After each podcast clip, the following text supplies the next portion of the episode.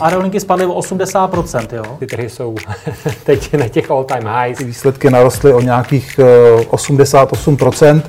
Co vlastně se teďka stalo v rámci uh, SpaceXu, je prostě něco neuvěřitelného. Plyn, uh, emisní povolenky, jakoby v tuhle tu chvíli ten systém je nefunkční. Peníze nikdy nespí, ani ty vaše. Dobrý den, vážení posluchači. Vítáme vás u dalšího podcastu investičního webu. V něm nabídneme to nejlepší z našich videí a také původní komentáře a analýzy domácích i zahraničních tržních expertů. Ekonomika, tradiční trhy a alternativy na jednom místě. Dobrý poslech přeje Petr Novotný. Tak dneska skutečně skoro všechna média, co otevřeme, nám říkají, že eh, ceny nemovitostí, hlavně bytů, o těch se nejvíc mluví, padají. Eh, reálně je tomu tak, je to vidět v těch transakcích, konec konců všechny statistiky to potvrzují. Co vidím já, protože my nakupujeme byty, jak pro nás, tak pro klienty, eh, je to, že od nějakého loňského druhého, spíš třetího kvartálu se ten trh v podstatě zastavil. Zastavily se prodeje. Ty prodeje se zastavily logicky, protože ubyly kupující. Ubylo velké množství kupců z toho trhu protože úrokové sazby e, hypoték díky velice, velice zvýšeným naposledy právě loni v červnu úrokovým sazbám e, centrální banky jsou tak vysoko, že na ty hypotéky reálně mnoho lidí e, přestalo dosahovat. A tím pádem z trhu velká část kupujících se stáhla. I když by si třeba ten byt rádi koupili, tak ta splátka je nad jejich možnosti, buď tak, že to vy, tak vyhodnotí sami, nebo to vyhodnotí ta banka, která jim tu hypotéku prostě neposkytne. Ten objem poskytovaných hypoték poklesl podle většiny statistik o až o 80%, což je opravdu ohromný propad, takže na trhu zůstali kupující z hotovostí, kupující, kteří, řekněme, prodávají nemovitost a místo ní kupují jinou. No a zatímco příval, příliv těch nemovitostí eh, do inzerce na prodej zůstal stejný, tak ten odliv těch prodaných bytů ven se výrazně zpomalil, takže nám hodně stoupla nabídka a všichni, kdo chtějí teď kupovat nějaký byt, tak po hodně mnoha letem, dlouhém mnoha letem období boomu, kdy byl velký problém vůbec v té inzerci něco zajímavého najít, a když už jste něco našli, tak to reálně koupit, protože na každý byt stála obrovská fronta zájemců, kteří se o něj přetahovali, přepláceli se, byty se v podstatě prodávaly výhradně v aukcích, tak dnes jsme ve stavu, kdy jako kupující jsme v mnohem komfortnější pozici, je nás málo, jak realitní makléři, tak prodávající si nás jako zájemce o koupy váží. A jsme v výrazně lepší pozici, tím pádem logicky i ve vyjednávání o ceně. Kde jsi viděla nebo kde vidíš největší eh, propad a kde naopak, i když prostě, jak říkáš, jako ubylo kupců, tak eh, ten segment si drží cenu, anebo ten pokles tam byl nějakým způsobem zanedbatelný, i přes všechno, co se děje na hypotečním trhu a v ekonomice. Tak tohle, o čem mluvím, má logicky vliv na ten rezidenční segment, kde se prodávají byty a řekněme rodinné domy pro bydlení, protože tam to financování hypotékou je naprosto nej, nejčastější a má největší podíl. Takže tam tenhle vliv vidět je. E, logicky především u starších nemovitostí, u bytů, které jsou, stojí přesně stejně tak u rodinných e, domů, ale také třeba u rekreačních nemovitostí, chat a chalup, kde eh, byl zase obrovský boom vyvolaný covidovými uzávěrami a teď ten zájem výrazně opadl. Kromě toho tím, že tu už máme, nebo se minimálně blíží, ale spíš tady máme eh, mírnou recesi, tak eh, lidé, kteří potřebují získat nějaké prostředky, tak je logické se nejprve zbavovat nějakých nadbytečných nemovitostí, což jsou často právě ty rekreační Případně to mohou být i, nějak, být i nějaké ty byty po babičce, co jsme chtěli podržet pro děti a teď je možná lepší to prodat a ty peníze využít jinak. Takže na tom rezidenčním trhu tohle je znát. Trochu pomalejší nebo mírnější je ten vliv u novostaveb, což je e, dáno více faktory, jednak tím, že developeři mají silnější finanční kapitálové zázemí na to, aby si mohli dovolit eh, s těmi cenami přece jenom nějakou dobu zůstat a čekat. můžou podržet. Přesně, čekat, než se to obrátí. Případně mohou pozdržet některé nové developerské projekty, které měly připravené na výstavbu, eh, mohou je v čase odložit, takže tam je ten pokles výrazně mírnější. Zatím se to projevuje spíš tím, že nabízejí různé akční nabídky, různé kuchyně zdarma a podobně. A samozřejmě i tam už se individuálně dá nějakým vyjednáváním dostat na zajímavější cenu. Ten starší segment, tak tam je to jasné, tam to vyjednávání skutečně smysl dává, ať jednáte eh, přímo s prodávajícím anebo s makléřem, který ho zastupuje, protože těch nabídek nebudou mít tolik, takže eh, u všech transakcí, co jsme v posledních měsících zrealizovali, jsme dosáhli slevy ještě oproti té inzerované a třeba už i zlevňované původní ceně. V jaké slevě? Nebo jak obecně, nebo kde si viděl, o kolik teda ten trh podle tebe jako spadnul? Protože různé statistiky, různé pohledy, eh, někdy jsou ty statistiky udělané tak, aby to nahrávalo nějakému segmentu těch lidí, kteří se pohybují na straně eh, kupujících nebo na straně prodávajících, ale eh, tvůj ten pohled z toho terénu, protože ty to řešíš fakticky hodně prakticky, co se tam jako odehrálo procentuálně, jako, a potom, jak říkáš, OK, chci dneska nakupovat, jak až velkou slevu se dá třeba vy, vyhandlovat, když to řeknu takhle. Ono tam hodně záleží na tom, eh, jak oni nastavili tu cenu prodejní, hmm. protože někde už eh, často, když je tam rozumný makléř eh, a ví, že ten byt ten prodávající chce prodat, nikoli prodávat, několik měsíců čekat, jestli to někdo vezme, tak mu poradí nastavit tu cenu rozumně. A v tu chvíli už tam prostor pro to eh, zlevnění je, ale je třeba menší, než pokud je ta cena nastavená ještě podle těch starých měřítek, že lidi vědí, tak soused to tady prodal oni za 4, tak my chceme taky 4, ale oni už to 4 nebudou, ono to bude třeba 3,5. Jako, eh, hodně se to liší regionálně, eh, my kupujeme spíš v okresních městech, ne, ne většinou v Praze a tam už ten pokles eh, je vidět i v inzerci, třeba o 10% a tím vyjednáváním se dá dostat ještě o dalších 5, výjimečně i 10 dolů, ale je to hodně individuální, protože záleží právě na tom, jak motivovaný je ten prodávající, jak moc potřebuje prodat. My jako investoři máme obrovskou výhodu v tom, že tu nemovitost, kterou jsme si vybrali, jako nutně koupit nemusíme. Můžeme si počkat na nějakou další. Takže my můžeme dát nabídku, která nám dává smysl investičně a když ji ta druhá strana nepřijme, tak prostě jdeme dál a ona zase přijde nějaká další příležitost a někdy se stane to, že se ten prodávající časem ozve a na tu nabídku třeba i přistoupí. Takže myslím si, že vidět už to je, těch 10% tam reálně ze zkušenosti je určitě Plošně. a Nedokážu říct úplně Prahu, protože tady jsme teď v, te, v těch posledních měsících nenakupovali o Praze. Ty statistiky tvrdí, že ten pokles je menší, ale i v té inzerci pokles o těch minimálně 5% na těch lokalitách, které sleduju dlouhodobě vidím. Tudíž tam logicky i ta realizační cena pak může být ještě o něco níž. Ale Pořád je to o tom, že někdo si může dovolit čekat na toho kupce, který zrovna tu jeho nemovitost bude chtít a bude eh, schopený zafinancovat eh, i při té o, ně, o něco vyšší ceně a o tom, že některý prodávající prostě potřebuje prodat rychle a tam potom ta ochota se domluvit je větší. A co byste teda poradila? Eh, pozice investora, jestli teda ještě má čekat, dejme tomu, ještě na lepší cenu. A potom eh, ta druhá pozice, prostě chci si koupit byt, eh, dům pro vlastní bydlení. Jak tomu teď z kraje roku přistupovat, jak to časovat, nečasovat, kde hledat příležitosti pro tyhle ty dva segmenty kupujících? Rozumím. U vlastního bydlení je ta situace trošku jiná. Tam eh, ta motivace, proč tu nemovitost kupuju, je jasná a taky mnohem víc řeším věci, které u investičního bytu tolik řešit nemusíme. Tam jsou prostě ke zvážení hlavně jiné parametry, jaký tam bude o to nájemní bydlení zájem a podobně. Ale lidé, kteří jdou do nájmu, mají trochu jiné potřeby než lidé, kteří hledají pro sebe bydlení natrvalo, na dlouho, na založení rodiny a podobně. Pokud hledám vlastní bydlení, tak eh, se to moc nedá časovat a je to skutečně spíš o tom, jestli mám prostředky a možnost něco koupit a jestli najdu tu pravou nemovitost.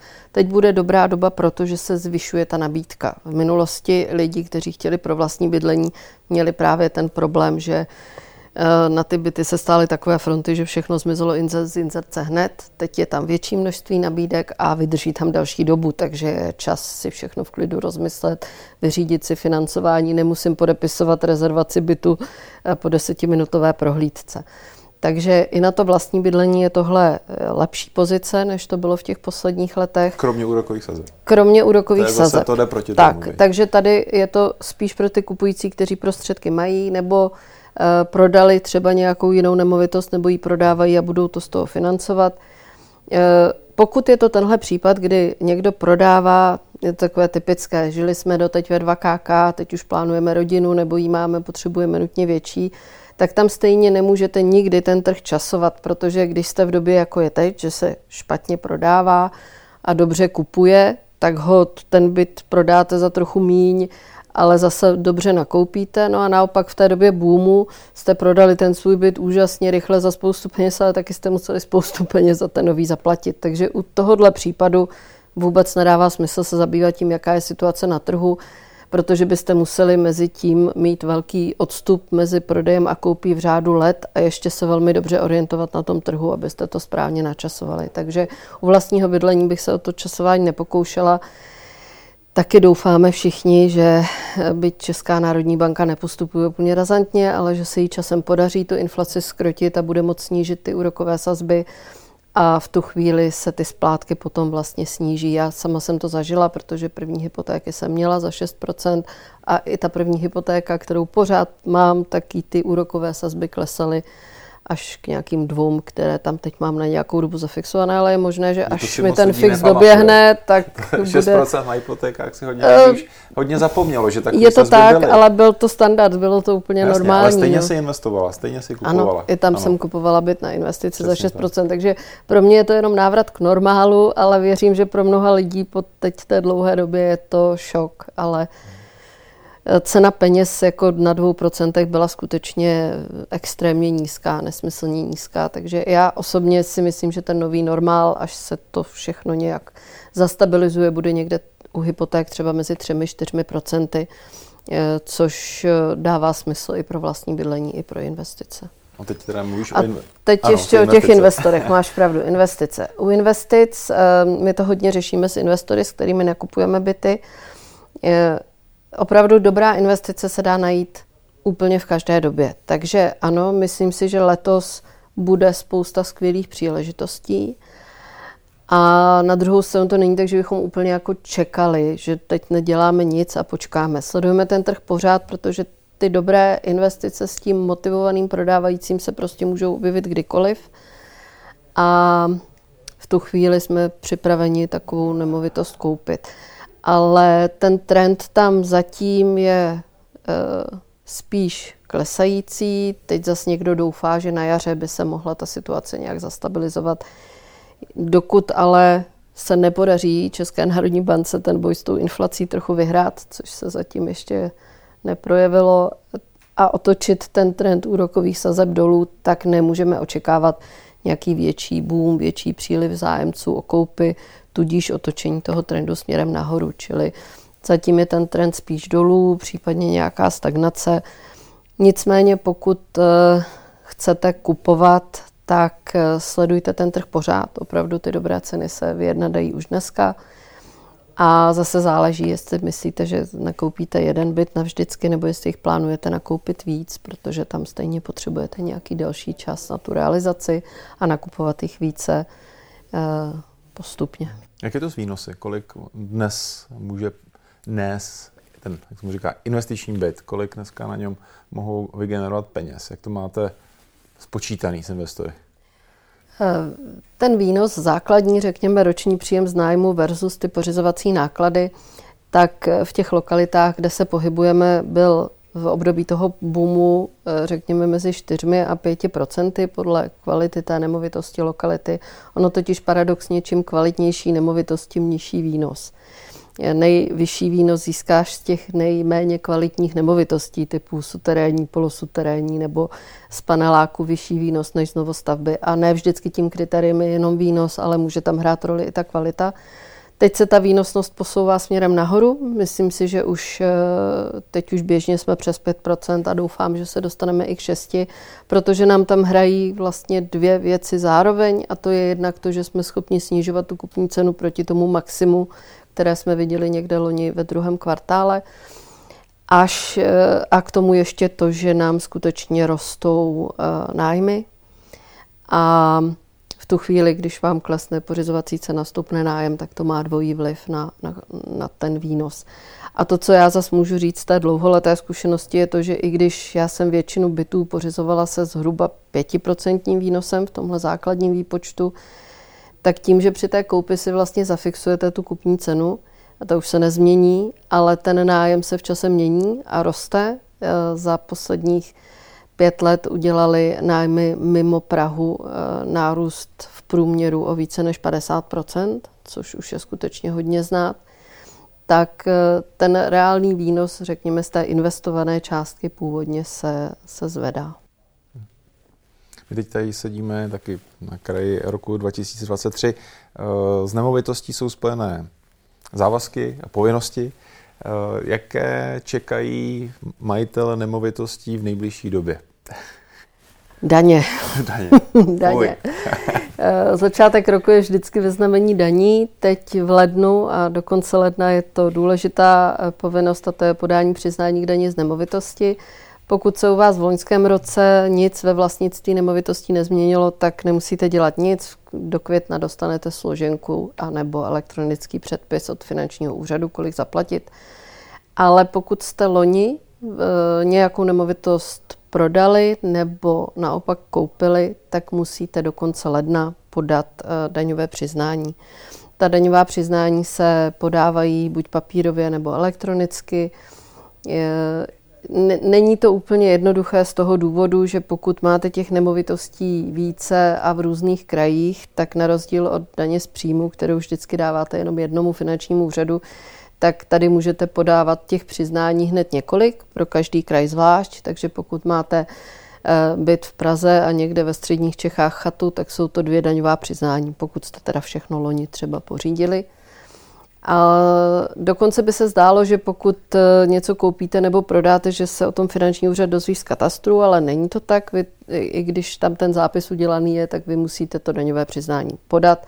A to dokonce i v tom případě, že jste prodali, protože e, není automatické, že vám už složenka nepřijde, musíte oznámit i ten, i ten prodej.